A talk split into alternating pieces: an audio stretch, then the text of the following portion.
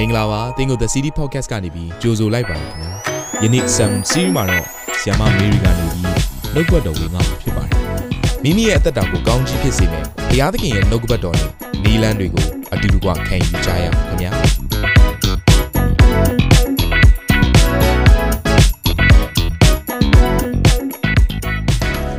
ကျွန်တော်တို့မထိုင်သေးပဲနဲ့ရှိတဲ့နေရာမှာဆက်ပြီးတော့တယောက်ချင်းစီတိုင်းလက်များကိုမြောက်ပင်ပြီးတော့ဖရာသခင် ခဏကိုတော့ဖွင့်ပြမဲ့နှုတ်ကပတ်တော်ကိုကြိုဆိုတယ်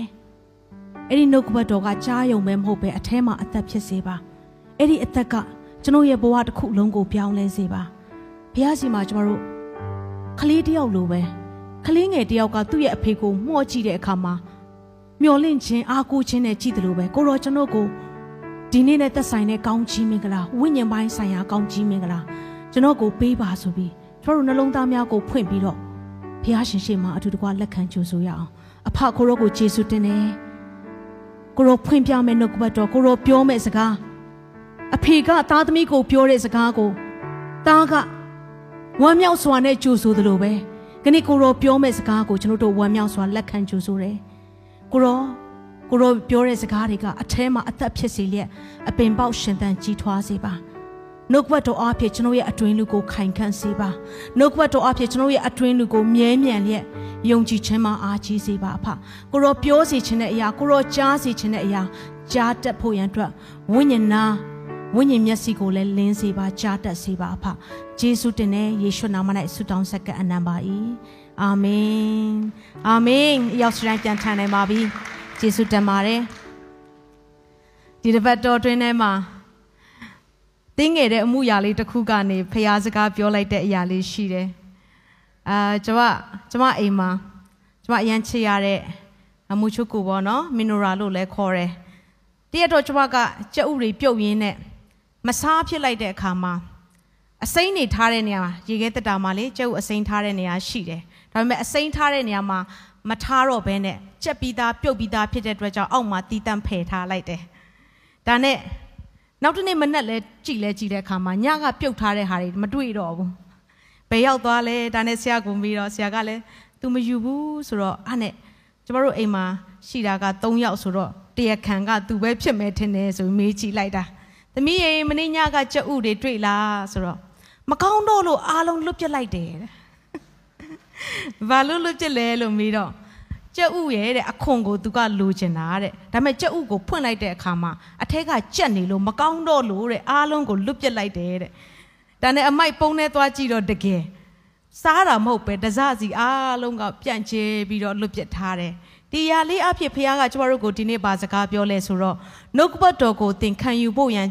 နှလုံးသားပြင်ပြီးတော့လာပါရဲ့နဲ့အခွန်ပဲရသွားတဲ့အတ္တတာမဖြစ်ကြစုံနဲ့ အထဲမှာရှိတဲ့အနစ်ကိုစားရကောင်းမှမသိဘဲနဲ့မဖြစ်သွားစုံနဲ့ဗိမ္မာန်တော်ကိုလာပါတယ်အာခရစ်မတ် tree တွေကလှလိုက်တာလောက်ပဲမဟုတ်ဖဲနဲ့လိုက်တင်တွေကကောင်းလိုက်တာလောက်ပဲမဟုတ်ဖဲနဲ့အထဲမှာရှိတဲ့အသက်အထဲမှာရှိတဲ့အာဟာရအထဲမှာရှိတဲ့ဝိညာဉ်အတွက်လိုအပ်တဲ့စားစရာကိုရသွားဖို့ရန်အတွက်အရန်ရည်ကြီးတယ်နေမိသားစုများ ခဏဖခင်ရဲ့နှုတ်ကပတ်တော်ကိုရောက်လာတဲ့အခါမှာတချို့သောသူတွေက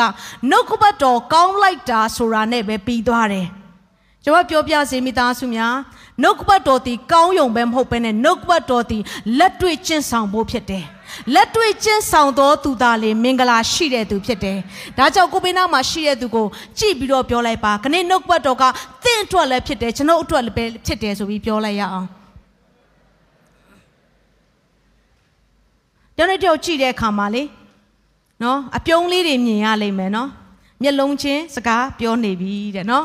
အရင်ကမျက်နာမမတ်မိတဲ့သူကအခုမျက်လုံးကိုချိလိုက်တာနဲ့ဘသူလဲဆိုတာမှတ်ရတဲ့အခြေအနေဖရားပြင်ဆင်ပေးလာတယ်။ဘာကြောင့်လဲပိုချစ်တဲ့အောင်ဖရားတင်ပေးတာဖြစ်တယ်။ဟာလေလုယာသက်ရှင်တဲ့ဖရားခင်နာမတော်တာပြေပုံကြည်ပါစေ။အားလုံးကိုတွေ့ရတဲ့အတွက်အယံစိတ်လှရှားတယ်။ဒီနေ့ဖရားရဲ့နှုတ်ကပတ်တော်ကိုယူဆောင်လာပါတယ်။ဒီနေ့နှုတ်ကပတ်တော်ရဲ့ခေါင်းစဉ်ကခြေဝန်းသောနှလုံးသားပြောကြည့်ပါဦး။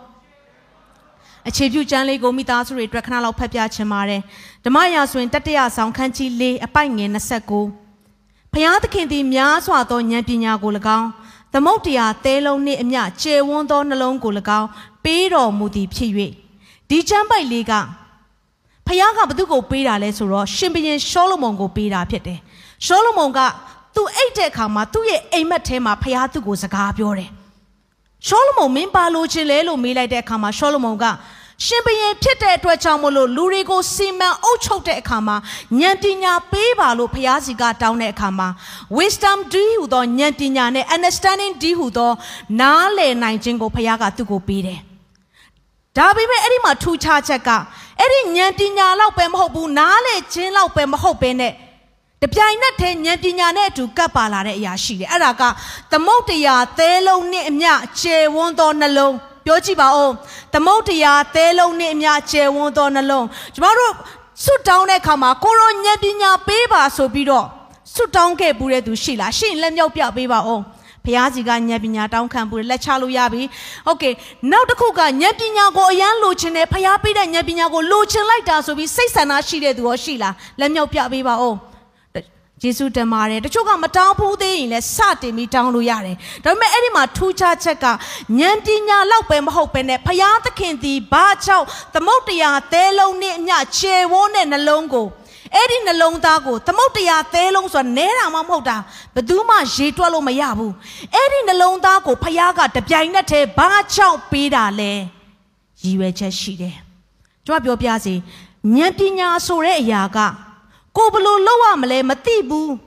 အဲ့ဒီလိုမသိတဲ့အချိန်မှာလုံနိုင်တဲ့အစွမ်းအစလုံနိုင်တဲ့အရေးအချင်းဆုံးဖြတ်နိုင်မှုကိုပေးခြင်းဖြစ်တယ်အဲ့ဒါဖခင်ရဲ့ဉာဏ်ပညာဖြစ်တယ်အဲ့ဒီဉာဏ်ပညာကိုလက်ခံရရှိပြီးသွားပြီဆိုရင်တော်တော်များများကဖျားစီကဉာဏ်ပညာတောင်းပြီးတော့ပျော်နေကြတယ်ကျွန်မပြောပြစေဖျားစီကကျွန်တော်တို့ကဉာဏ်ပညာကိုတောင်းပြီးဆိုရင်ဉာဏ်ပညာအတွက်ပြင်ဆင်ခြင်းနေရာဆိုတာအမြဲလိုအပ်တယ် ဥပမာကျွန်မက software တစ်ခုကို download လုပ်လိုက်မယ်ကွန်ပျူတာမှာအဲ့ဒီ download လုပ်မယ်ဆိုရင် download မလုပ်မီမှာကျွန်မရဲ့နော် space နေရာပြင်ထားဖို့လိုတယ်နေရာမရှိဘဲနဲ့ဒီ software ကြီးအရန်ကောင်းပါတယ်ဆိုတာဘယ်လိုသိမ်းမှာလဲဒီလိုပဲဉာဏ်ပညာရောက်လာပြီဆိုရင်အဲ့ဒီဉာဏ်ပညာမရောက်မီထိမ့်သိမ့်နိုင်တဲ့ကျေဝန်းတဲ့နှလုံးသားလိုအပ်တယ် ကျေဝန်းတဲ့နှလုံးသားမရှိဘဲနဲ့ဖျားစီကဉာဏ်ပညာပဲကြိုဆိုတယ်ဆိုရင်ဘလို့ဖြစ်နိုင်လဲကျွန်တော်ပြောပြစီဒေသနာကျမ်းခန်းကြီး1ငယ်18မှာအကြောင်းမူကားပညာများလင်ညှို့ညင်စရာအကြောင်းများ၏တိတ်ပံအတက်တိုးပွားသောသူသည်ဝမ်းနေခြင်းတိုးပွားတတ်၏အဲ့ဒီမှာပညာများလင်ဆိုတဲ့အရာက wisdom လို့ရေးထားတာနော် wisdom လို့ရေးထားတာဉာဏ်ပညာများတယ်ဆိုရင်ねညှို့ညင်စရာအကြောင်းများတယ်တိတ်ပံအတက် အဲ့ဒီຢာက knowledge ကိုပြောတာအသိဉာဏ်များတယ်ဆိုရင်ねဝမ်းနေခြင်းတိုးပွားတယ်ဟာဘုရားကဘာလဲအသိဉာဏ်တိုးပွားတာမကောင်းဘူးလားကျွန်တော်ပြောပြစီပိုသိလာလေဖျားပျောက်သွားတဲ့သူတွေအများကြီးပဲမြန်မာစကားမှာရှိတယ်အတက်ကျူးတော့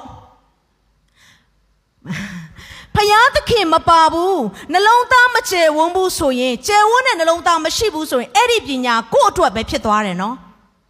ကိုယ့်အတွက်ပဲ သူတို့ကမျက်ခုံးမွေးပေါ်မှာဘလို့ဇင်းကြံရှောက်မလဲကိုဘလို့ရမလဲကိုဘလို့လုံမလဲကိုဘယ်အချိန်မှာကိုအတွက်ပဲဖြစ်လာတယ်ရှောလမုန်ကိုပေးတဲ့ဉာဏ်ပညာသည်သူ့အတွက်လောက်ပဲဖျားပေးတာမဟုတ်ဘူးတခြားသောသူတွေကိုကောင်းချီးပေးခြင်းလို့အဲ့ဒီဉာဏ်ပညာကိုပေးတာဖြစ်တယ်။ဒီနေ့ကျွန်တော်တို့ဖျားသခင်စီကဉာဏ်ပညာကိုလက်ခံကြိုဆိုဖို့ဆိုရင်အရင်ဦးဆုံးနေရာကိုပြင်ဆင်ရမယ်။အဲ့ဒီနေရာသည်ခြေဝန်းသောနှလုံးသားရှိခြင်းဖြစ်တယ်။ဟာလေလုယာ။ဖျားက ဉာဏ်ပညာနဲ့ပတ်သက်ပြီးတော့ပါရေးထားလဲဆိုတော့နော်ကျမတို့နှလုံးသားကိုဖခင်ကချဲ့ခြင်းနဲ့ကျမ်းပိုက်လေးတစ်ခုကိုဖတ်ပြခြင်းနဲ့ဟေရှာအခန်းကြီး54အပိုက်ငယ်1ကနေ3မှာ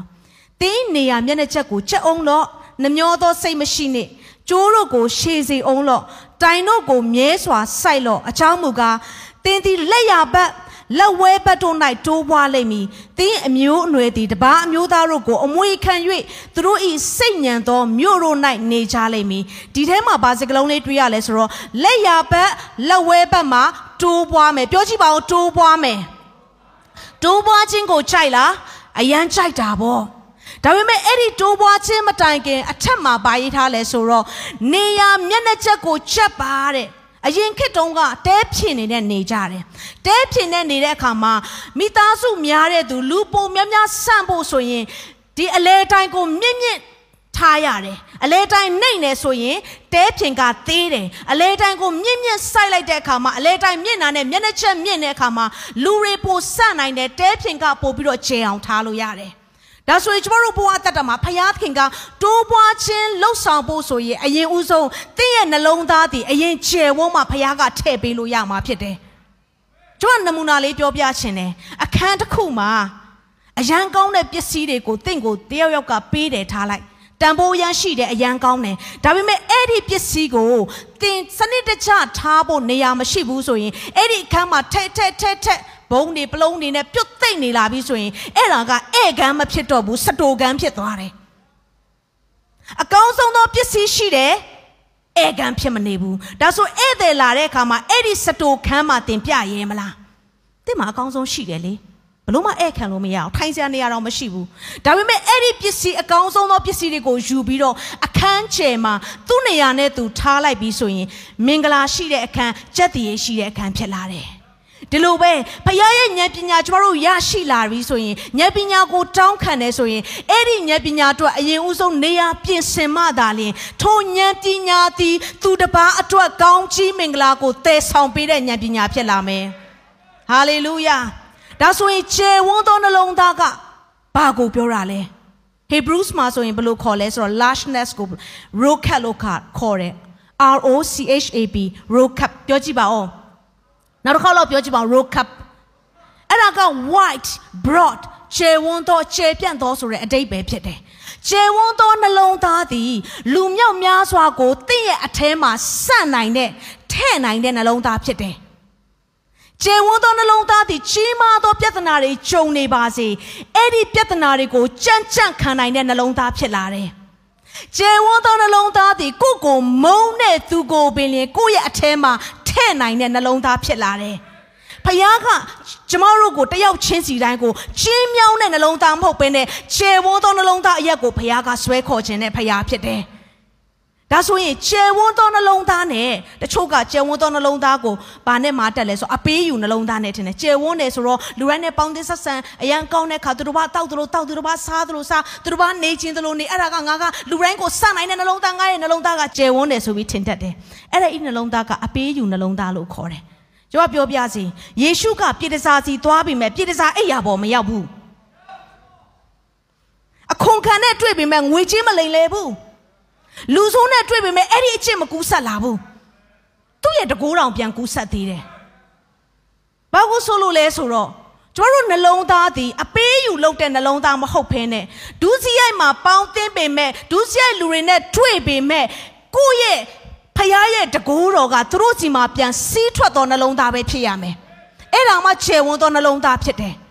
အဲ့ဒီခြေဝန်းသောနှလုံးသားထဲမှာ သူကအသားမဲလို့သူကရုပ်ချောလို့အဲသူကတော့ငွေချေးရှိလို့မဟုတ်ဘဲနဲ့လူတိုင်းကိုဝေဆန့်တဲ့နှလုံးသားဖြစ်လာလိမ့်မယ်ကျွန်တော်ပြောပြစီတချို့ကယေရှုကတော့ယေရှုပေါ့သူကတော့ဘယ်အပေးယူလို့မလဲကျမကတော့ကျမပဲလေသိုးတွေကရှုံထဲမှာမပြောဘူးနော်ဒါပေမဲ့ဝက်တွေကရှုံထဲမှာပြောတယ်မှန်တဲ့တင်လဲကြတတ်ပါတယ်ဒါပေမဲ့ပြန်ထပြီးတော့ဘုရားအစီအရောက်ကိုပြန်သွားတတ်ဖို့လိုအပ်တယ်ဟာလေလုယာ ဒါဆိုကျမတို့ကိုဘယ်အရာတွေကကျန်ဝသောနှလုံးသားကိုဖြစ်စေလဲဆိုပြီးဒီနေ့မှာအချက်၃ချက်အဖြစ်အားလုံးကိုဝေမျှမှာဖြစ်တယ်။အားလုံးအစင်းသင်းရှိနေကြလား။နှုတ်ကွက်တော်အတွက်ဆက်ခံယူဖို့အတွက်ရှိနေကြလား။ကျမယုံကြည်တယ်ဒီနေ့နှုတ်ကွက်တော်ကသင်အလာနဲ့ပြန်မတူဘဲနဲ့ဖခင်ပြောမယ့်အရာကိုသင်ရရှိပြီးတော့ကောင်းချီးမင်္ဂလာနဲ့ပြန်သွားမှာဖြစ်တယ်။ဟာလေလုယာ။ဒီနေ့ကျန်ဝတဲ့နှလုံးသားကိုဘယ်အရာတွေကဖြစ်စေလဲဆိုတော့နံပါတ်1တစ်ချက်အနေနဲ့ကသီးခံခြင်းကကျန်ဝတဲ့နှလုံးသားကိုဖြစ်စေတယ်။ သီးခံခြင်းဆိုတာကြုံလာတဲ့ပြဿနာကြုံလာတဲ့အခြေအနေမှာရှောင်ထွက်လို့ရပေမဲ့ရှောင်ထွက်မသွားဘဲနဲ့အဲ့ဒီပြဿနာကိုကြံ့ကြံ့ခံပြီးရင်ဆိုင်ခြင်းဖြစ်တယ်အဲ့ဒါသီးခံခြင်းဖြစ်တယ်နှုတ်ကပတ်တော်တစ်ချက်ကိုခဏလောက်ဖတ်ပြချင်ပါတယ်ယာကုပ်ခန်းကြီး1အပိုင်ငယ်လေးသင်တို့သည်အလျင်မချွတ်တဲ့ပဲဆစ်ဆက်ဆုံးနေမိအကြောင်းသီးခံခြင်းစိတ်သည်အကုန်အစင်ပြုတ်ပြင်ပါစေဒီထဲမှာကြည့်တဲ့အခါမှာအလျင်မချွတ်တဲ့ပဲဒါဆိုရင်သီးခံခြင်းမပါရင် သူရဲ့ဆန့်ကျင်ဘက်ကချို့တဲ့နေတာပေါ့ဒါဆိုရင်တင့်ကိုမချို့တဲ့ဖို့ရန်အတွက်စိစက်စုံလင်ဖို့ရန်အတွက်ဘယ်ရာကပြုပြင်ပေးလဲတီးခံခြင်းနည်းနည်းပဲပြုပြင်ပေးတာလားမဟုတ်ဘူးအကုန်အစင်ပြုပြင်ပါစေတဲ့တီးခံခြင်းဒီကနေ့ကျမတို့ဘဝအသက်တာမှာအကုန်အစင်ပြုတ်ပြင်ပေးတဲ့ကောင်းကြီးမင်္ဂလာတစ်ခုလည်းဖြစ်တယ်ကျွန်တော်တို့သီးခံခြင်းလို့ပြောပြီးဆိုရင် endurance endurance သီးခံခြင်းနဲ့ perseverance လို့ခေါ်ရဲဇွဲလုံးလောက်ရှိခြင်းကမတူဘူးနော်သီးခံခြင်းဆိုတဲ့အရာကသူကဘာနဲ့တူလဲဆိုတော့ခံစစ်နဲ့တူတယ်တစုံတစ်ခုပြဿနာကြုံလာပြီဆိုရင်ယုံမထွက်ဖဲနဲ့ရှောင်းလိုက်လို့ရတယ်စကားမပြောလိုက်လို့ရတယ်သူနဲ့မတွေ့လိုက်လို့ရတယ်သူအရှိမရှိရင်ကိုအနောက်ဘက်မှာသွားနေလို့ရတယ်ဒါပေမဲ့အဲ့ဒါကပြဿနာအဖြေမဟုတ်ဘူးတီးခံခြင်းဆိုတာအဲ့ဒီပြဿနာနဲ့ထိတ်ထိုက်တွေ့ပြီးတော့ကြမ်းကြမ်းခံပြီးနာကျင်တယ်ကြမ်းကြမ်းခံတယ် ဒါပေမဲ့ဇွဲလုံးလောက်ဝရိယရှိခြင်းကတော့အဲ့ဒီကြမ်းကြမ်းခံခြင်းကနေအရှိကိုတိုက်စစ်ဖြစ်သွားတယ်ဆက်ပြီးတော့အရှိကိုတိုးသွားခြင်းဖြစ်တယ်ဖခင်ကကျွန်တော်တို့ဘဝအသက်တာကိုအဲ့ဒီနာကျင်မှုတွေရှိပေမဲ့သင်ကြမ်းကြမ်းခံပါလားမိသားစုထဲမှာတယောက်နဲ့တယောက်မျက်နှာချင်းမဆိုင်နိုင်အောင်ဖြစ်နေတယ်တွေးလိုက်တာနဲ့စကားများနေတယ်ကျွန်မပြောပြစီယူရပြည်ပြောင်းလဲမှရှမာရိပြည်ဆိုတာလာမှာဖြစ်တယ်ယူရပြည်မှာမတက်နိုင်ဘူးပြောင်းလဲချင်တာကဘာကြီးကိုပြောင်းလဲချင်တာဘယ်လိုရမလဲ ယူရပြည်မှာဖခင်သင်ပေးနေတယ်အဲယူဒပြည်မှာမျက်နှာချင်းဆိုင်ရဲသွားပြီဆိုရှမာရိပြည်မှာပြုံပြုံလေးသွားနိုင်ပြီဟာလေလုယာတခါတည်းကျကျွန်တော်တို့ကအာကိုရောအလုတ်ထဲမှာဒီလူနဲ့လုံးဝအဆင်မပြေဘူးသူ့ရဲ့အသက်တာပြောင်းလဲဖို့ဆွတ်ထောင်းပေးပါဆွတ်ထောင်းချက်တင်တယ်သူထွက်ရင်ထွက်မထွက်ရင်ဒီလောက်ကနေကိုထွက်တော့မှာဘုရားကအရင်ဦးဆုံး သူ့ကိုပြောင်းလဲစေချင်တယ်ဆိုရင်မင်းအရင်ပြောင်းလဲလိုက်ပါမင်းပြောင်းလဲလာပြီဆိုရင်သူ့ပြောင်းလဲလေအလဲလာလိမ့်မယ်ဖခင်ကတဆင့်ချင်းစီသွားတာနော်ကျမတို့ကအဆင့်ခုံသွားချင်တာတီးခံခြင်းမှာမင်းမပြောင်းလဲဖို့ရန်အတွက်လှုပ်ဆောင်နေသလိုအဲ့ဒီတီးခံခြင်းအဖြစ်လဲသူကပြောင်းလဲလာလိမ့်မယ်။အဲ့ဒီကျမတို့နေ့တိုင်းမှာတင်ကြော်ဖြတ်နေတဲ့အခါမှာတွေ့သမျှအရာအလုံးကအမှုမဲ့အမတ်တမဲမဟုတ်ဘူး။ ဘုရားတင့်ကိုတီးခံခြင်းတင်ပေးတဲ့အခါမှာတီးမခံနိုင်တဲ့အရာတွေအဖြစ်တင်ပေးလိမ့်မယ်။ဒါပေမဲ့အဲ့ဒီအရာကိုကြန့်ကြန့်ခံနိုင်တဲ့သူကအကုန်အစဉ်ပြုပြင်ခြင်းကိုခံရတဲ့သူဖြစ်လာတယ်။ဟာလေလုယာ။အလေးဝိတ်သမားလိုပဲမနေတဲ့အလေးကအရန်လေးတယ်။ तू လွတ်ချပြီး तू ထွက်သွားလို့ရတယ်။ ဒါပေမဲ့သူ့မှာမဆယ်တက်လာမှာမဟုတ်ဘူး။တနည်းအားဖြင့်ရင့်ကျက်ခြင်းဆိုတဲ့ဝိညာဉ်အသက်တာမှာရင့်ကျက်လာမှာမဟုတ်ဘူး။ဒီလိုပဲပြဿနာဆိုတဲ့ဥစ္စာကလေးတယ်ဆိုတာမှန်ပေမဲ့ဒီအရာကိုကြန့်ကြန့်ခံပြီးတော့ဖျားနဲ့အတူဖြတ်ကျော်တဲ့အခါမှာရင့်ကျက်ခြင်းဆိုတဲ့အရာကဖြစ်လာတယ်။ပြောလိုက်ပါအောင်ပြဿနာကကျွန်မနောက်ကနေပြောကြည့်ပါအောင်ပြဿနာကအလေးဝိတ်တုံးလိုပဲ။ကြမ်းကြမ်းခံခြင်းနဲ့ဖျားနဲ့အတူဖြတ်ကျော်မယ် ဒီတိခံခြင်းနဲ့ပတ်သက်ပြီးတော့ရင့်ချက်ခြင်းနဲ့ပတ်သက်ပြီးတော့ဆွဲခေါ်တဲ့သူတယောက်အကြောင်းကျွန်မပြောပြခြင်းတယ်ဆိုတော့ဒီຢာလေးကကျွန်တော်တို့သိပြီးသားပါဒါပေမဲ့ငါသိတာပဲလောက်ပဲမဟုတ်ပဲနဲ့တေချာခံယူပြီးတော့သွားစေခြင်းတယ်ဓမ္မရာဆိုရင်ပထမဆောင်အခန်းကြီး22အပိုက်ငယ်1ကနေ2တွေ့မယ်ဆိုရင်ကျွန်တော်တို့အတူတကွရှိတဲ့နေရာကနေပြီးတော့ခဏလောက်ဖက်ကြရအောင်ကျယ်ဝန်းတဲ့နှလုံးသားဖြစ်ဖို့ရန်အတွက်ဆွဲချက်ခြင်းကိုခံရတဲ့သူတယောက်ဖြစ်တယ်ဒါဝိဒ်သည်ထိုရက်မှပြေး၍အဒုလံဥမင်သို့ဘေးလွတ်လျက်ရောက်လေ၏ သူ့အကုန်များအဆွေအမျိုးများအပေါင်းတို့သည်ကြားလျင်သူ့ထံသို့သွားကြ၏အမှုရောက်သောသူကျွေးတင်သောသူစိတ်ညစ်သောသူအပေါင်းတို့သည်သူ့ထံမှဆုဝေးကြ၏လူ400ခန့်ရှိသဖြင့်ဒါဝိဒ်သည်သူတို့ကိုအုပ်ရ၏ဒီထဲမှာလူ3မျိုး3စားရောက်လာတယ်အမှုရောက်သောသူ distract စင်ရမွဲတည်တဲ့သူနောက်တစ်ခုကကြတော့ dab အကျွေးတင်တဲ့သူနောက်တစ်ခုက discontent discourage လို့လည်းခေါ်တယ်သူကစိတ်တက်ကြတဲ့သူ အမှုရောက်တဲ့သူလူတက်ပြီးတော့အမှုရောက်တဲ့သူဖြစ်ကောင်းဖြစ်မယ်သူများသားများကိုမတရားချင့်ပြီးတော့အမှုရောက်လာတဲ့သူဖြစ်ကောင်းဖြစ်လိမ့်မယ်တင့်အိမ်မှာဆိုလက်ခံရဲလားလက်တွေ့နော်လက်တွေ့ပြောတာလက်ခံရဲလားလက်မခံရဲဘူးအခုအဲ့ဒီလူကတယောက်ထဲလာတာမဟုတ်ဘူးအမှုရောက်တဲ့သူအမှုပြဿနာတက်လာတဲ့သူကအမြဲတမ်းသူနဲ့စကားပြောတိုင်းသူ့ပြဿနာအကြောင်းကိုပြောလို့ရှိတယ် နောက်တစ်ခုကအကျွေးတင်တော့သူအကျွေးတင်ဘူးတဲ့သူရှိကောင်းရှိလိမ့်မယ်ဒီထဲမှာရှိလားမသိဘူးအကျွေးတင်တဲ့သူကအမြဲတမ်းသူ့အကျွေးထဲမှာဒီအကျွေးကိုဘယ်လိုဆက်ရမလဲဆိုတာပဲစဉ်းစားနေတာသူနဲ့စကားပြောလိုက်တဲ့အခါတိုင်းမှာသူ့အကျွေးကိုဆက်ပေးဖို့ပဲသူစဉ်းစားနေတော့မှာဒါဝိတ်ကအဲ့လူပင်နာသွားတဲ့အခါမှာငါအကျွေးရမ်းများတယ်ငါအကျွေးရမ်းများတယ်သူ့ခေါင်းထဲမှာအကျွေးအကျွေးအကျွေးဆိုတဲ့ဟာပဲရှိမှာပဲနောက်တစ်ခုကစိတ်တက်ကြတဲ့သူစိတ်တက်ကြတဲ့သူဆိုရင်ဘယ်လိုစကားပြောမလဲ။ အော်ငါသေချင်လိုက်တာကွာဆိုတာပဲပြောနေမှာ။ခွာရမလားသူဘေးနားမှာသွားတဲ့သူ။ရမှာမဟုတ်ဘူး။စိတ်တက်ကြတဲ့သူကစိတ်တက်ကြတဲ့အကြောင်းပြောတဲ့အခါမှာအမှုရောက်တဲ့သူကသူ့ခါရဲစိတ်ကြမ်းတဲ့သူတွေရှိကောင်းရှိလိမ့်မယ်ဆိုတော့ဒါဝိဒ်ကဖယားသခင်ကိုရောကျွန်တော်ကိုမဆပါလို့သူဆွတ်တောင်းလေလေအမှုရောက်တဲ့သူကပိုတိုးလာလေလေကိုရောမဆပါအောင်နောက်တရက်မှနိုးထလာတဲ့အခါမှာအကျွေးတင်တဲ့သူကထက်ရောက်လာလေလေဆူတောင်းများမားနေတာလား ဘုရားကတတ်တတ်ကိုတီးခန့်ခြင်းအတွက်သူ့ကိုလွတ်ပေးလိုက်တာဖြစ်တယ်အဲ့ဒီအဒုလံအုတ်မင်ထဲမှာလူ400လောက်ကပြုတ်တိုက်ပြီးတော့နေရတာစဉ်းစားကြည့်နော်အိတ်လဲဒီမှာပဲစားလဲဒီမှာပဲအပေါ်အလေးသွားလဲဒီမှာပဲအကုန်လုံးကပုံးနေရတာအဲ့ဒီလူ400လောက်နဲ့မနဲ့မိုးလင်းတာနဲ့ပြက်တနာနေကင်းဆိုလဲပြက်တနာညအိတ်ခန်းကြီးကလည်းပြက်တနာတွေပဲအဲ့ဒီပြက်တနာတွေရောအချင်းချင်းတဲ့မယ်လို့ထင်တာ တဲ့နိုင်မှာမဟုတ်ဘူးဒါဝိတ်ဘာလို့လဲဖယားသခင်သူ့နှလုံးသားကိုအကြီးအကျယ်ဆွဲချဲလိုက်တာဒါဝိတ်အဲ့ဒီအကျွေးတင်တဲ့သူကမင်းနှလုံးသားထဲနိုင်လားအဲ့ဒီသူတစ်ပါးသားမယားကိုမတရားချင်တဲ့သူကမင်းနှလုံးသားထဲထဲနိုင်မလားလူတက်သမားကမင်းနှလုံးသားထဲထဲနိုင်မလားဒါဝိတ်ဘာလို့လဲအယမ်းနာကျင်ရမယ်သူသားဖခင်နှလုံးသားမရှိဘူးဆိုရင် तू လက်ခံနိုင်မှာမဟုတ်ဘူးဒါဝိတ်အဲ့လိုဖြစ်တဲ့အခါမှာဒါဝိတ်ညင်းညူရဲဆိုတဲ့စကားလုံးကိုကျွန်မမတွေ့ရဘူး လူ400လောက်ကတင့်အိမ်မှာတစ်နက်လောက်ပဲထမင်းလာစားရင်တော့တင်တော်တော်ဒုက္ခရောက်မှာတနက်မကဘူးဒီလူတွေကနေ့ရောညရောဒါဝိတ်သူကိုယ်တိုင်တော့မှထွက်ပြေးနေရတဲ့အချိန်မှာဘုရားသခင်ကယ်ပါလို့ဆုတောင်းနေရတဲ့အချိန်မှာအဲ့ဒီပြဿနာအလုံးလိုက်ခဲလိုက်သူ့စီရောက်လာတဲ့အခါမှာကိုရောသူ့နှလုံးသားဆွဲချဲတဲ့ကဘုရားသခင်ကမင်းဆန့်သေးလားမင်းနှလုံးသားမှာဆန့်သေးလားဟုတ်ကဲ့ကိုရောဆန့်ပါတယ်ဆွဲချက်ရင်ချက်ရင်ချက်ရင်နဲ့ရှင်ဘရင်ဖြစ်လာတယ် ဒီနေ့ကျမတို့ဘဝအသက်တာမှာဖခင်တင့်နှလုံးသားကိုဆွဲချက်နေပြီဆိုရင်ဖခင်ချီးမြှောက်တော်မှာဖြစ်တယ်နှလုံးသားဆွဲချက်ခံရပြီဆိုရင်အဲ့ဒီနှလုံးသားအတွက်တင်ဒုက္ခရောက်ပြီးနာလိုက်တာလို့ဖြစ်ပေမဲ့အဲ့ဒီနာကျင်ခြင်းကအောင်မြင်ခြင်းကိုဖြစ်စေတယ်မြန်မာစကားမှာတော့လူသားလာပါပြဿနာမလာနဲ့ဒါပေမဲ့ဖခင်ကတော့လူရောပြဿနာရောလာပါဆိုတဲ့ဖခင်သခင်ဖြစ်တယ်ချစ်ဖို့ကောင်းတဲ့ဖခင်သခင်ဖြစ်တယ်အဲ့ဒီနှလုံးသားဆွဲချက်ခြင်းကိုမခံရင်ရော မေကောင်းမေးလိမ့်မယ်ကြောက်ပြောပြစေမောရှေရဲ့အသက်တာမှာကာဒီရှာအရက်ကိုရောက်တဲ့အခါမှာဖခင်ကသူ့ကိုပြောလဲဆိုအဲ့ဒီကြောက်ကိုအမိန်ပေးအဲ့ဒီကြောက်ထဲကနေရေထွက်မယ်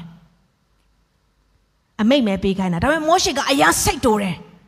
တစ်ချိန်လုံးဒီလူတွေနဘူးနစာလုံးနေတဲ့ဣသရေလလူတွေအမြဲတမ်းပြဿနာရှာတယ်ဆိုပြီးရိုက်လိုက်တာ လန်နဲ့ရိုက်လိုက်တယ်နှစ်ချက်ရိုက်လိုက်တဲ့အခါမှာဖယားသခင်အမျက်ထွက်တယ်ပြီးတော့မောရှိကဘာပြောလဲဆိုတော့သူ့နှုတ်ကနေထွက်လာတယ်အချင်းတပုံတို့တဲ့တပုံနေတဲ့မင်းတို့တောင်းတော့ငါဘယ်နှခါပေးရမှာလဲအမြဲတမ်းငါ့ကိုနပူနစာလုံနေတာပဲဆိုပြီးတော့မောရှိကဘာဖြစ်လဲဆိုအဲ့ဆွဲချက်ချင်းမှာ तू လက်မခံနိုင်တော့ဘူးတနည်းအားဖြင့်ကိုရောကိုရောပေးတဲ့သူတွေကတပုံနေပဲဖြစ်တယ်သူညင်းလိုက်တာနဲ့ ဒီခရီးစဉ်မတိုင်ခင်မှာဖယားနဲ့သူနဲ့ brain ညင်ပြုတ်ပြီးတော့ဖယားသခင်ကသူ့ကိုဆွဲခေါ်မယ်ဆိုတဲ့အရာမင်းအဖြစ်ဒီလူတွေကိုကဲထုတ်မယ်ဆိုတဲ့အရာကချက်ချင်းပဲသူ့ရဲ့ညင်းဆန်မှုကြောင့်ဖယားကနှလုံးသားချဲပွင့်ရမင်းလက်မခံနိုင်တဲ့အတွက်ကြောင့်မလို့လက်ခံနိုင်တဲ့ယောရှုနဲ့ငါဆက်သွားမယ်ဆိုတာဖြစ်လာတယ်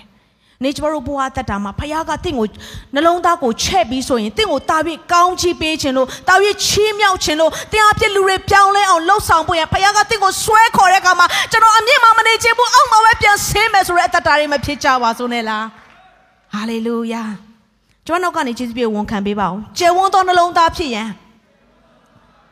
ဖခင်သခင်သည်ကျွန်ုပ်ကိုသင်ပေးနေတယ် ဒုတိယတစ်ချက်ကအဲ့ဒီကျယ်ဝန်းသောနှလုံးသားဘယ်အရာတွေကဖြစ်စေနိုင်လဲဆိုတော့ပထမတစ်ချက်ကတီးခန့်ခြင်းဖြစ်တယ်ဒုတိယတစ်ချက်ကဘာလဲဆိုတော့နှိတ်ချခြင်းဖြစ်တယ်ပြောကြည့်ပါဦးနှိတ်ချခြင်းနှိတ်ချခြင်းသည် အစေခံကြုံရဲ့တရံကိုဆောင်ခြင်းဖြစ်တယ်တိုးတွေကိုတတ်တဲ့အခါမှာပင်ပင်မမစိတ်တီလိုလိုက်ဖမ်းပြီးတတ်ချင်ရမလို့ဘူးစိတ်ကထွက်ပြေးတယ်ဖမ်းရင်တိုးကကြတော့တန်းစီပြီးတော့တကောင်ရဲ့နောက်မှာတကောင်ကတန်းစီနေတယ် တိုးတွေရဲ့ခေါင်းကိုဖြတ်တဲ့အခါမှာရစ်ပူဇော်ဖို့ရန်ဖြတ်တဲ့အခါမှာဒီတိုးရဲ့ခေါင်းကိုဖြတ်ပြီးလိုက်တာနဲ့ဒီတိုးကသုံးပါသွားတာနဲ့နောက်တစ်ကောင်ကထွက်မပြေဘူးအဲ့ဒီຢာကိုတွေ့တဲ့အခါနောက်တစ်ကောင်ကလည်းအဲ့ဒီဓာတ်မှာလေစင်းခံတယ်သူလေစင်းခံပြီးသွားတာနဲ့နောက်တစ်ကောင်ကလည်းတွေးနေတာပဲလေထွက်မပြေဘူးရှေ့ကိုဆက်တိုးပြီးတော့လေစင်းခံတယ် ဘာလို့လဲဆိုတော့အစီခံကြုံရဲ့တံလိုပဲ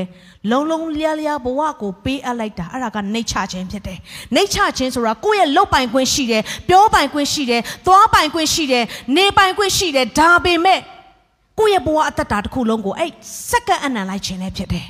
ဖိလိပ္ပိခန်းကြီး1ငယ်9ကနေ10ကိုခဏလောက်ဖတ်ပြခြင်းတယ် တွေ့မယ်ဆိုရင်ကျွန်တော်တို့အတူတူကဖတ်အောင်တင်းနှစ်သုံးမိမိအသေးကိုစွန့်၍အစေခံကျွန်း၏တံကိုယူဆောင်လျက်လူကဲ့သို့သောအဖြစ်၌ဖွားမြင်ခြင်းကိုခံတော်မူ၏ထို့သောလူ၏ဂုံအင်္ဂါလက္ခဏာနှင့်ပြည့်စုံလျက်အသေးခံခြင်းတောင်မဟုတ်လဝါကတိုင်မှာအသေးခံခြင်းတိုင်အောင်အစေခံကျွန်းခံ၍ကိုကိုကိုနှိတ်ချတော်မူ၏ဒီထဲမှာမိမိအသေးကိုစွန့်၍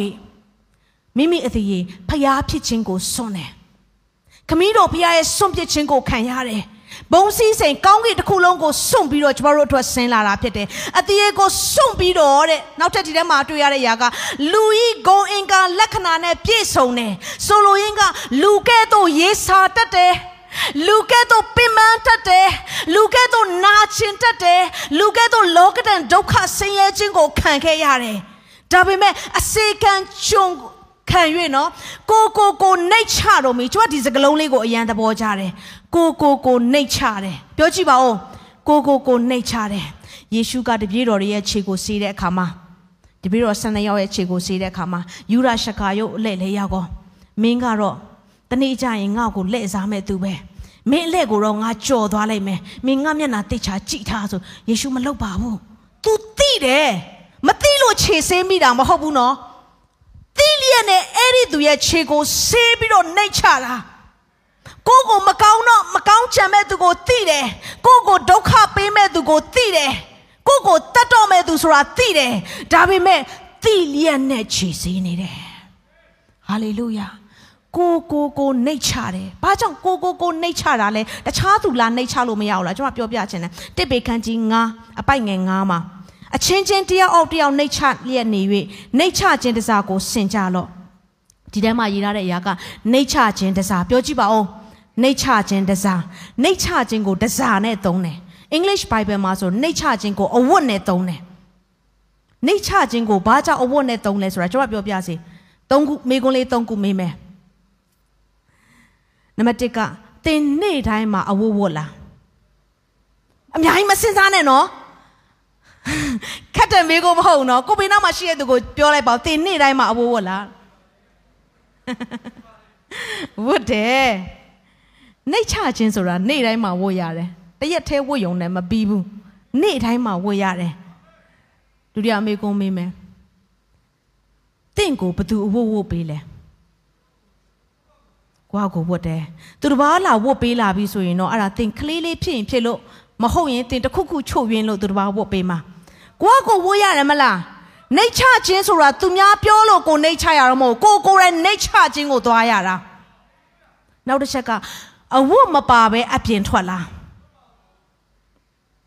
နှိတ်ချခြင်းမပါဘဲအပြင်မထွက်နဲ့အဆက်ကွဲလိမ့်မယ်နှိတ်ချခြင်းမပါဘဲနဲ့တင်သွားသမျှတင်ပြောသမျှတင်လှုပ်ဆောင်သမျှအရာအလုံးကအဆက်ကွဲခြင်းတွေဖြစ်လိမ့်မယ်ဒါကြောင့်ကိုကိုကိုနှိတ်ချတယ်ဆိုရဲနှိတ်ချခြင်းအဝတ်ကိုနေ့ရက်တိုင်းမှာကိုယ်တိုင်ဝတ်ဆင်တဲ့အခါမှာအဲ့ဒီနှိတ်ချခြင်းနဲ့သွားသမျှအရာအလုံးကမင်္ဂလာဖြစ်လာတယ်။ကြောပြောပြစီအရန်ချစ်ပါတယ်ဆိုရဲအိမ်အောင်ရေးတယ်။ တောင်းနဲ့တောင်းမျက်နှာချင်းမဆိုင်နိုင်တော့ဘူးမနှိတ်ချနိုင်လို့ဖြစ်တယ်ပြဿနာအရင်မြစ်က။သူ့ရဲ့မာနကိုယ့်ရဲ့မာနတွေဖြစ်လာတဲ့အခါမှာမနှိတ်ချနိုင်တဲ့အခါမှာသုံးနဲ့လေးလို့ဖြစ်သွားတယ်စန့်ကျင်ဘက်တွေဖြစ်သွားတယ်နှိတ်ချခြင်းမရှိတဲ့အခါမှာချို့အသင်းတော်တွေပြိုကွဲသွားတယ်နှိတ်ချခြင်းမရှိတဲ့အခါမှာဆွေမျိုးတွေတောင်မှမျက်နှာချင်းမဆိုင်နိုင်တော့ဘူးနှိတ်ချခြင်းမရှိတဲ့အခါမှာတမိသားစုတွေကပေါက်ဖွာလာတဲ့မောင်တော်ကအရင်ဖြစ်လျက်ပင်လင်မျက်နှာချင်းမဆိုင်နိုင်တဲ့အခြေအနေဖြစ်လာတယ်ခဏကျွန်မပြောပြစီနှိတ်ချခြင်းကယုံကြည်သူအသက်တာမှာအဓိက အရေးကြီးတဲ့အရာဖြစ်တယ်နှိတ်ချတယ်ဆိုတာငြိမ်ခံယုံနဲ့မပြီးပါဘူးငါငြိမ်ခံလိုက်တာပဲဆိုအဲ့ဒါနှိတ်ချတာမဟုတ်ဘူးနော်ငြိမ်ခံနေဆိုတာပြန်မပြောတာပဲရှိတယ်နှိတ်ချခြင်းကခုနသိုးလိုပဲ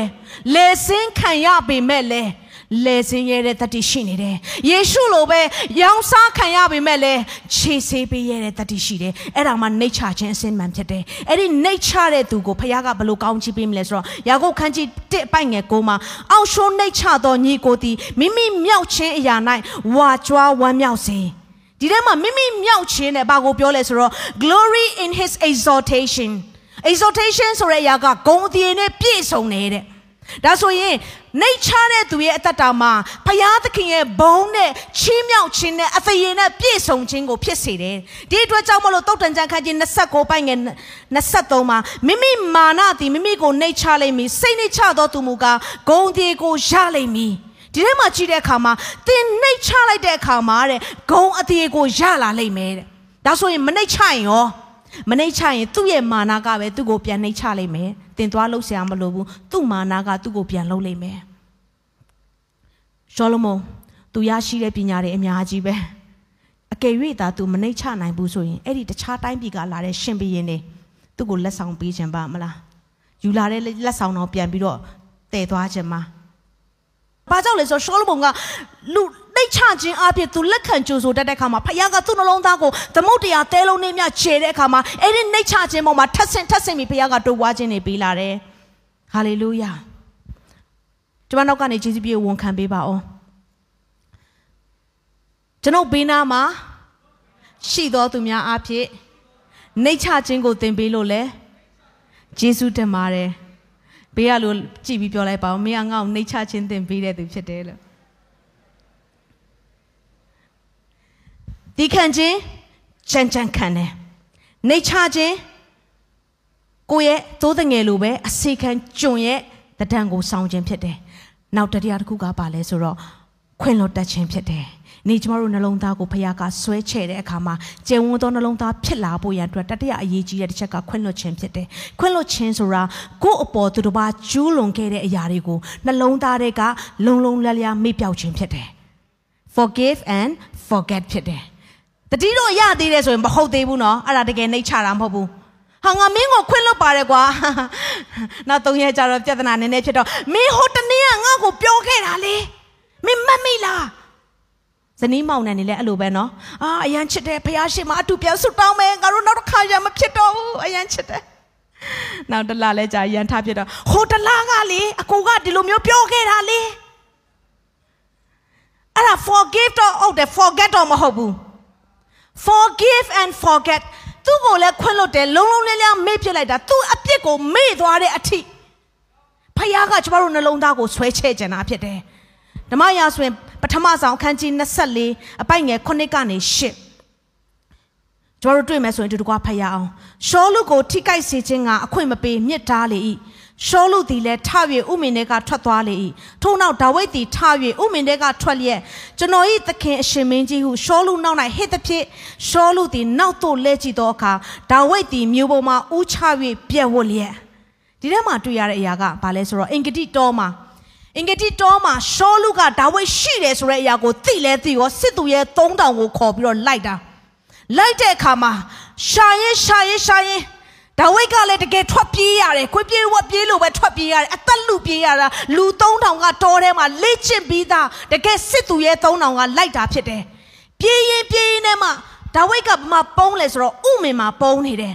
ဒီအစ္စရေးတိုင်းပြည်မှာဆိုရင်တို့ကြောက်သားတွေကိုဂလိုင်ဖောက်ထားတဲ့ဥမင်တွေရှိတယ်။အဲ့ဒီတစ်ဖက်တစ်ချက်မှာဘသူကရှိလဲဆိုတော့ရှောလူကလည်းလိုက်ရှာလို့မတွေ့ရင်လည်းအနားယူနေတယ်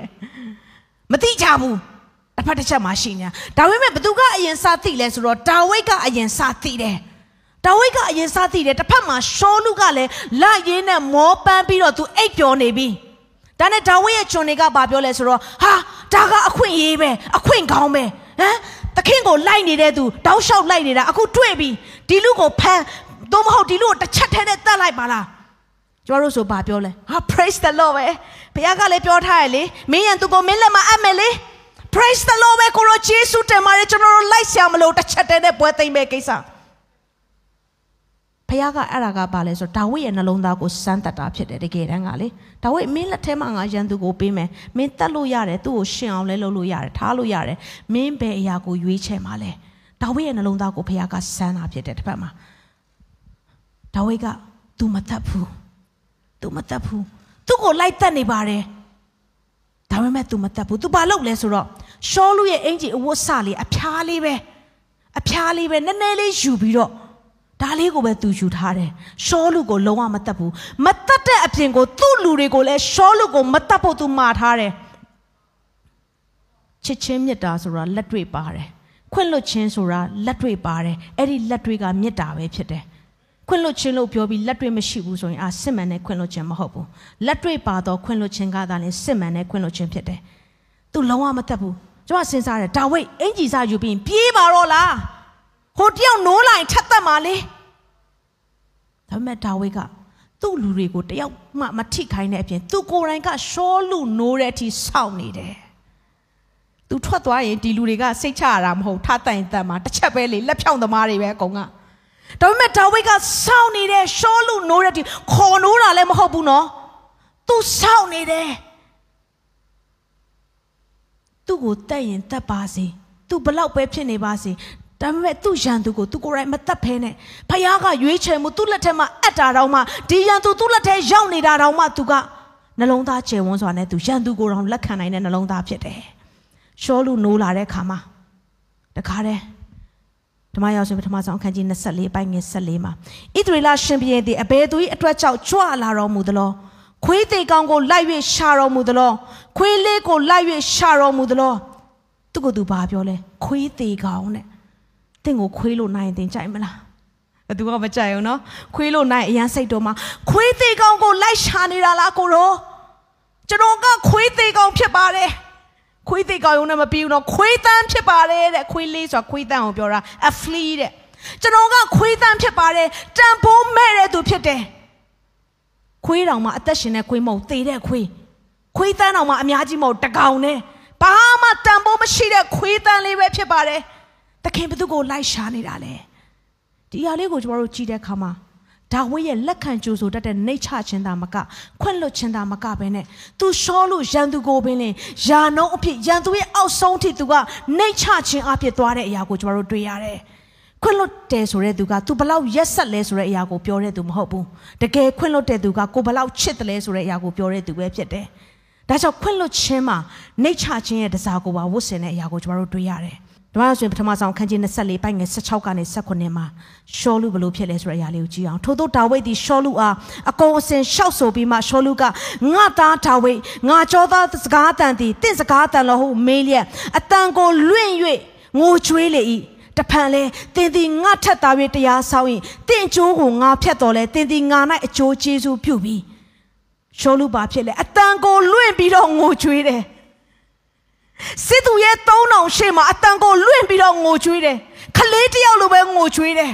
သူဘာကိုပြန်မြင်လဲသူ့အပြစ်ကိုသူပြန်မြင်လာတာဖြစ်တယ်ငါဒီလောက်သူ့ကိုတတ်ဖို့ရန်သူ့ရဲ့အကျိုးဖြတ်ဖို့အတွက်လောက်တာတော့မှငါအပေါ်မှာဂျေစုပြုတ်ပါလားဆိုပြီးသူပြန်မြင်လာတယ်ကျွန်တော်ပြောပြစီခွင့်မလွတ်နိုင်တဲ့သူကခွင့်လွတ်တဲ့သူရှေ့မှာအမြဲတမ်းရှုံးနေတဲ့သူဖြစ်တယ်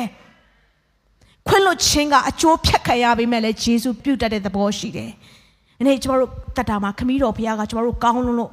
သားတော်ကိုပေးခဲ့တာမဟုတ်ဘူးကျမတို့အရန်ချစ်စရာကောင်းလို့လို့ကျမတို့အရန်တန်ဖိုးရှိနေလို့လို့သားတော်ရဲ့အသက်နဲ့လဲခဲ့တာမဟုတ်ဘူးကျမတို့မကောင်းဘူးဆိုတာသိတယ်လူဆိုးဆိုတာသိတယ်အပြစ်နဲ့ပြည့်တဲ့သူဆိုတာသိတယ်တန်ဖိုးမဲ့တဲ့သူဆိုတာသိတယ်ဒါပေမဲ့ခမည်းတော်ဘုရားကကျမတို့ကိုတန်ဖိုးထားပြီးတော့အဲ့ဒီရှုံနုံထဲမှာနောက်ချေးပုံထဲမှာရှိတဲ့ကျမတို့ကိုအဲ့ဒီအမြင့်ဆုံးသောဘုရားရဲ့တပါးရီသောသားတော်နဲ့လဲလေပေးတာ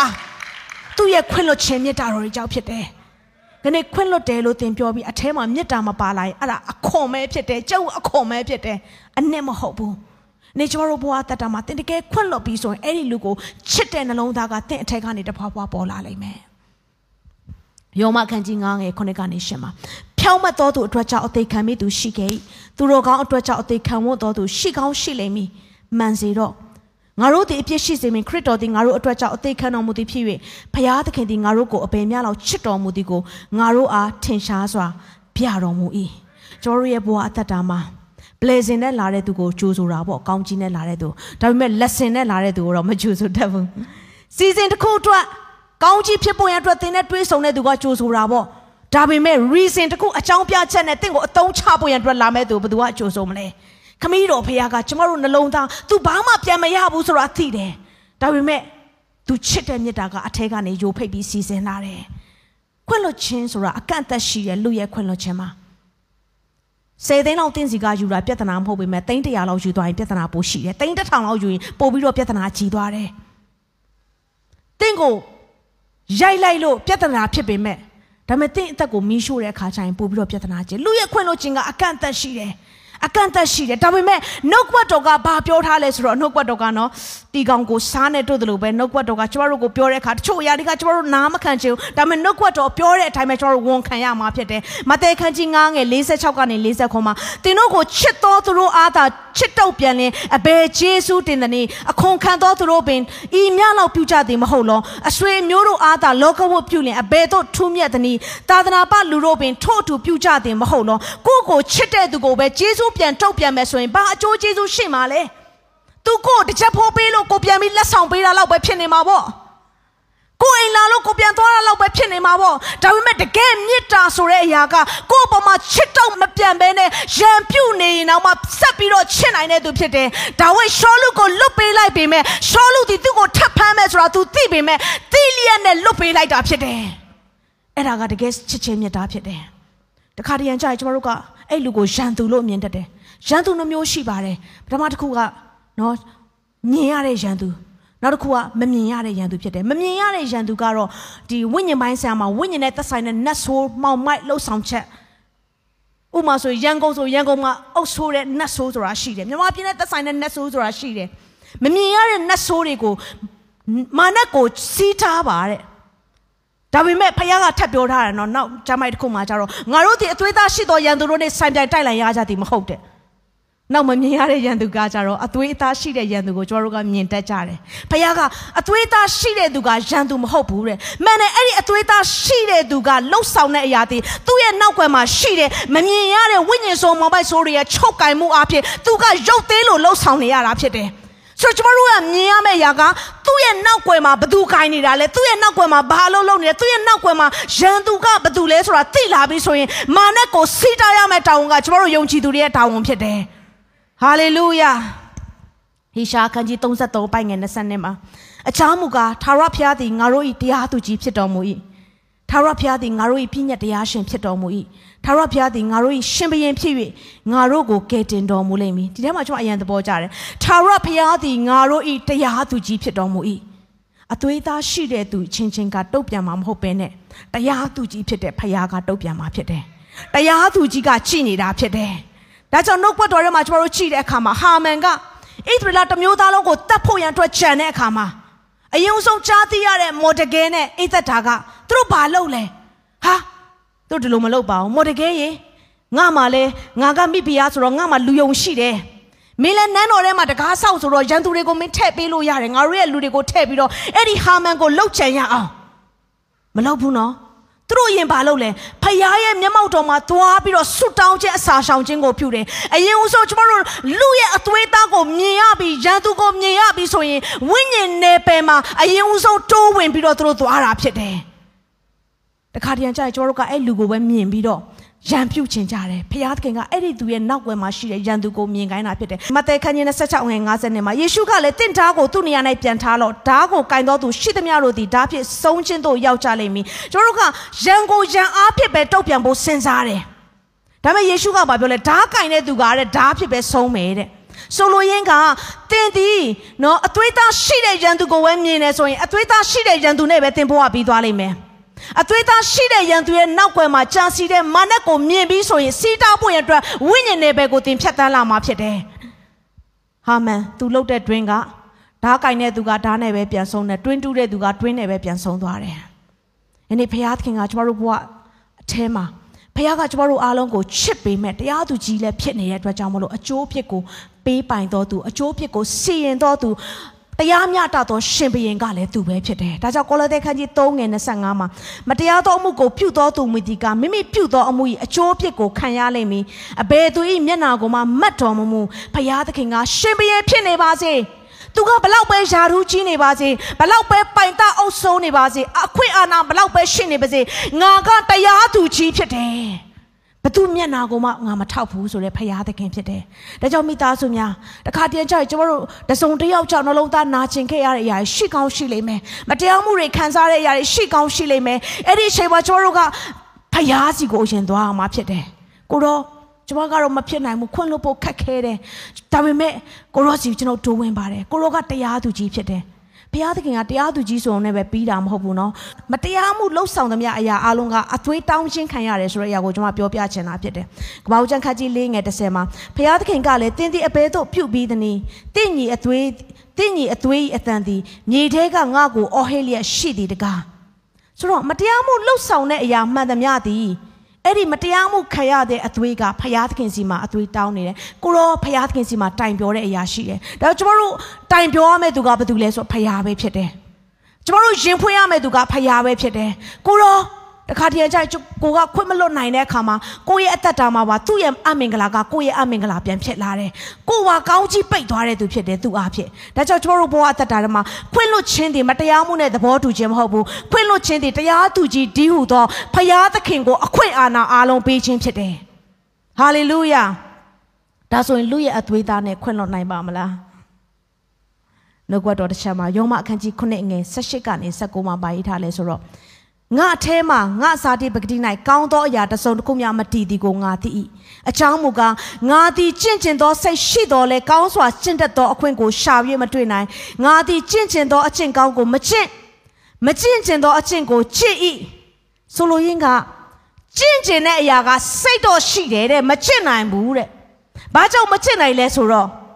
ကိုကိုယ်တိုင်စူးစမ်းလို့မှမရတာဟောဒီအသွေးအသားကကန့်တတ်မှုရှိတယ်လေ အဲ့ဒီအသွေးသားနဲ့လူတယောက်ကိုဘလောက်ချစ်နိုင်မှာလဲ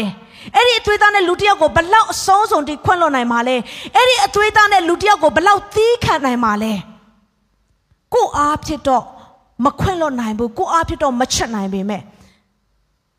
ချစ်အောင်လှုပ်ဆောင်ပေးတဲ့သူတယောက်ရှိတယ်အဲ့ဒါကယောမအခန်းကြီး၈အပိုင်ငယ်28ကိုခဏလောက်ဖတ်ပြချင်ပါတယ်တွေ့မယ်ဆိုကျွန်တော်တို့ဒီကွာဖတ်ရအောင်စိတ်နှလုံးကိုစစ်တော်မူသောသူသည်လည်းဝိညာဉ်တော်၏စိတ်တဘောကိုသိတော်မူ၏အကြောင်းမူကားဝိညာဉ်တော်သည်တန်ရှင်းသူတို့၏ဆုတောင်းခြင်းအမှုကိုဖျားသခင်၏အလိုတော်နှင့်အညီဆောင်မတော်မူနောက်ထပ်ကျမ်းပိုက်လေးကိုထပ်ဖတ်ဒီကွာဖတ်ရအောင်ယောမအခန်းကြီး၈အပိုင်ငယ်26ကာကြီးပိုင်းဖြစ်တယ်ထိုမှတပါငါတို့မတက်နိုင်သောအရာမှာဝိညာဉ်တော်သည်မဆတော်မူ၏ကိုရော ကြီးကျွန်တော်ကတော့ချစ်ဖို့မဖြစ်နိုင်ဘူး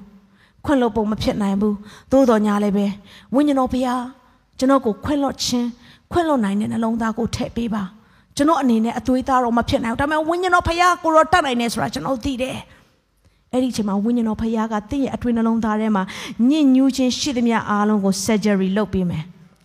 ဝိညာဉ်တော်ဖခင်ကအကောင်းဆုံးသောသမားတော်ဖြစ်တယ်အကောင်းဆုံးသောခွဲစိတ်ဆရာဝန်ဖြစ်တယ်သင်မဘလောက်ပဲနှလုံးသားထဲမှာညစ်ညူးနေပါစေ तू ကတစားချင်းစီအဲ့ဒီအမိုက်တွေကိုဆွဲထုတ်ပေးနိုင်တဲ့သူဖြစ်တယ်ကျွန်တော် you ministry မှာဂိုင်းတဲ့အခါမှာလူငယ်အချိန်မှာ you ministry မှာကျွန်မဂိုင်းတော့ကျွန်မ cell group မှာ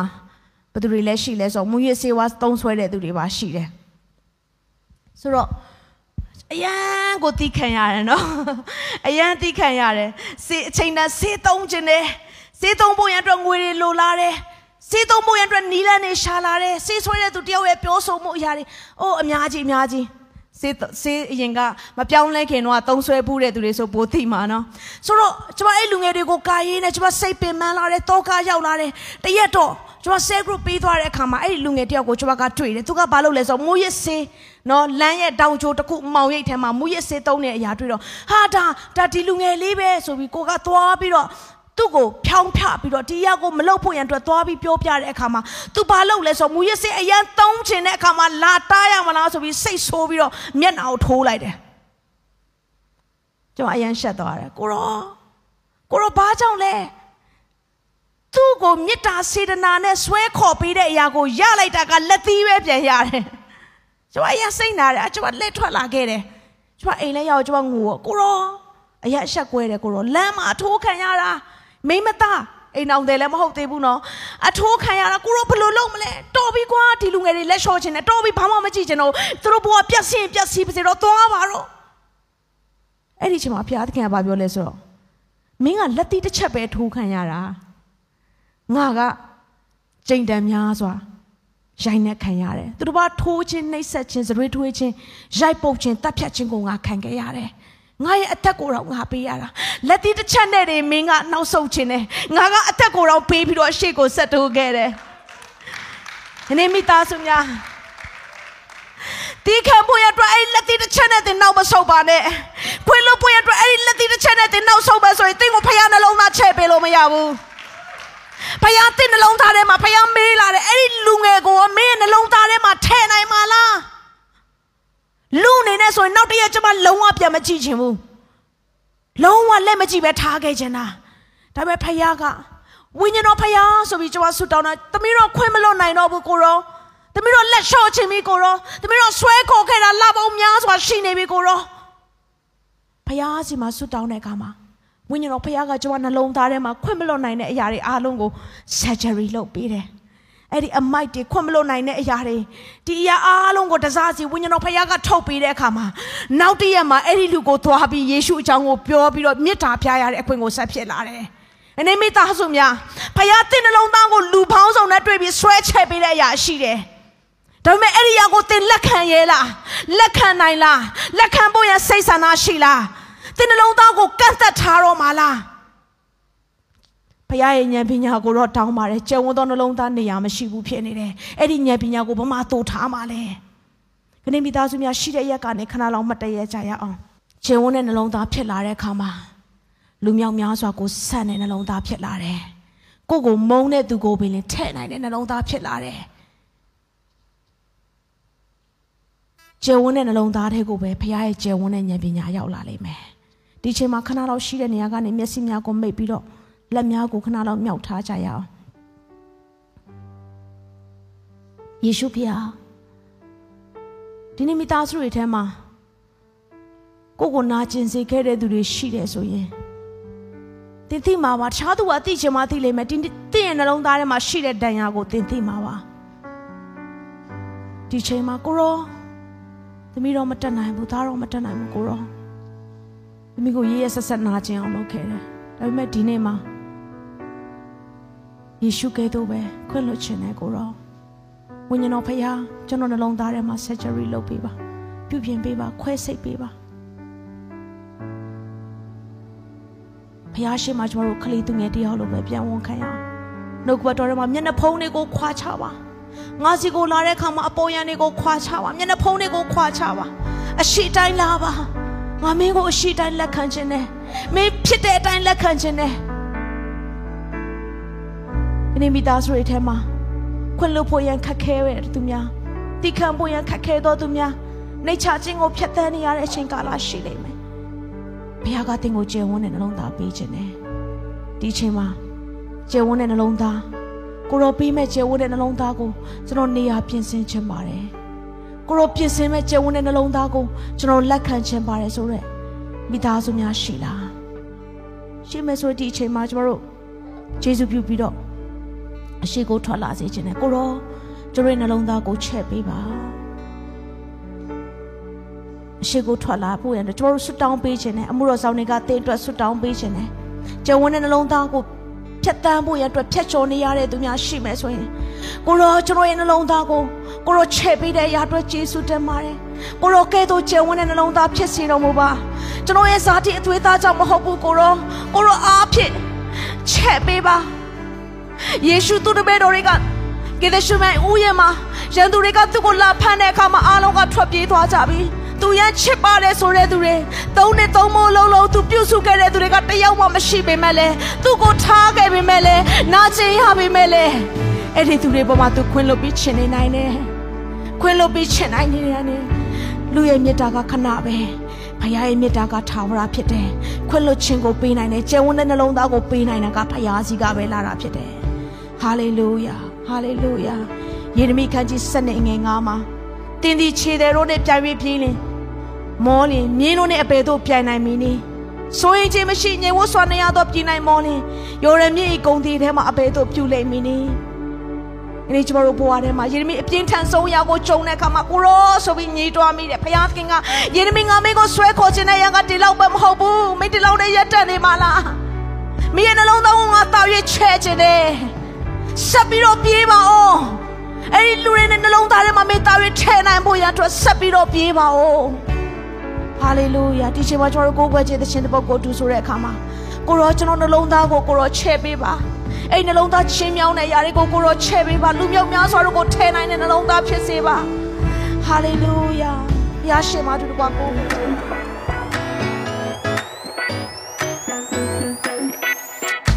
ဒီအစီစဉ်လေးအပြင်တင်းရဲ့အသက်တာမှာကောင်းကြီးဖြစ်မယ်ဆိုတာကိုကျွန်တော်ယုံကြည်ပါတယ်ဗီဒီယိုကြည့်ပြီးခံယူလို့ဒီများအတွက်အပတ်စဉ်တရားဟောခြင်းများ Bible Study